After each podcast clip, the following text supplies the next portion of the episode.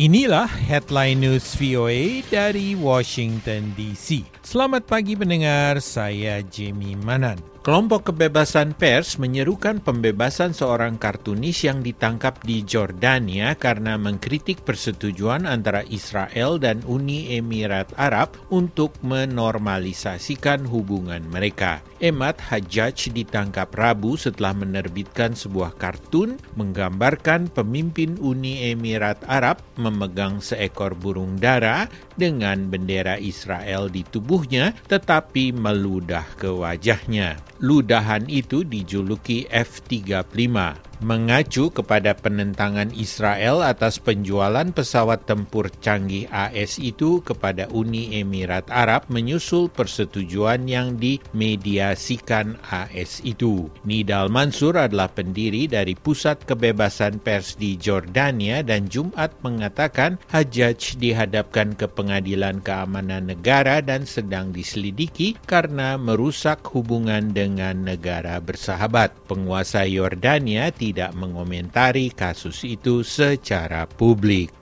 Puluhan orang berkumpul di Washington dan New York turun ke jalan Jumat siang dan menyerukan kepada pemerintah Amerika, PBB, dan negara-negara di seluruh dunia agar melakukan upaya lebih banyak untuk mengecam kekerasan terhadap warga Uighur dan menggolongkan kebijakan Tiongkok di Xinjiang, kawasan di barat laut negara itu sebagai genosida. Demonstrasi ini berlangsung ketika anggota minoritas etnis agama memperingati empat tahun sejak Tiongkok meningkatkan kampanyenya di Xinjiang dan di tengah-tengah laporan pemerintah AS sedang mempertimbangkan untuk menggolongkan tindakan Beijing itu sebagai genosida. Presiden Trump Sabtu berkeliling ke daerah di Louisiana dan Texas yang hancur akibat badai Laura. Penduduk di sana terputus aliran listrik dan air bersihnya, sementara usaha pembersihan diteruskan di tengah-tengah kondisi yang panas dan lembab. Satu hal yang saya ketahui tentang negara bagian ini, pembangunan akan berlangsung cepat di sini, kata Trump. Kepada sebuah kelompok termasuk Gubernur Louisiana John John Bell Edwards, anggota Kongres dan pejabat badan federal. Namun tidak ada penduduk daerah itu yang hadir. 14 orang tewas ketika badai kategori 4 menghancurkan daerah itu Kamis pagi. Lebih dari setengah para korban tewas karena menghirup udara yang tercemar oleh karbon monoksida akibat penggunaan generator listrik secara salah. Trump tiba di Lake Charles, Louisiana, sebuah kota yang didera keras oleh Laura.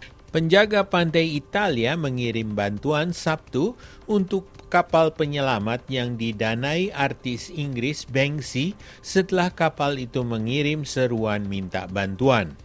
Kapal itu terdampar di tengah laut Mediterania dan dimuati migran.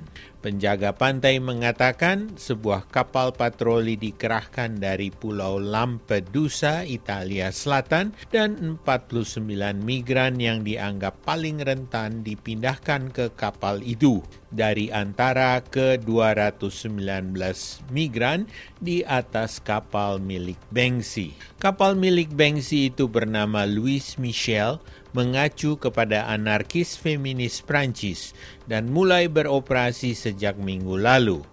Meskipun ada bantuan dari Italia, namun Louis Michel masih belum menemukan tempat berlabuh untuk sisa migran Afrika di atas kapal itu.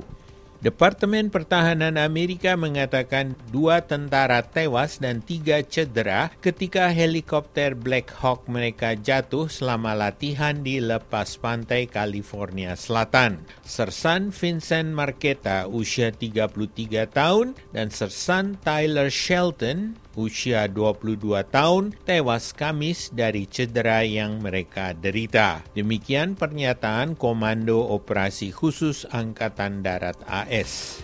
Sekian headline news VOA.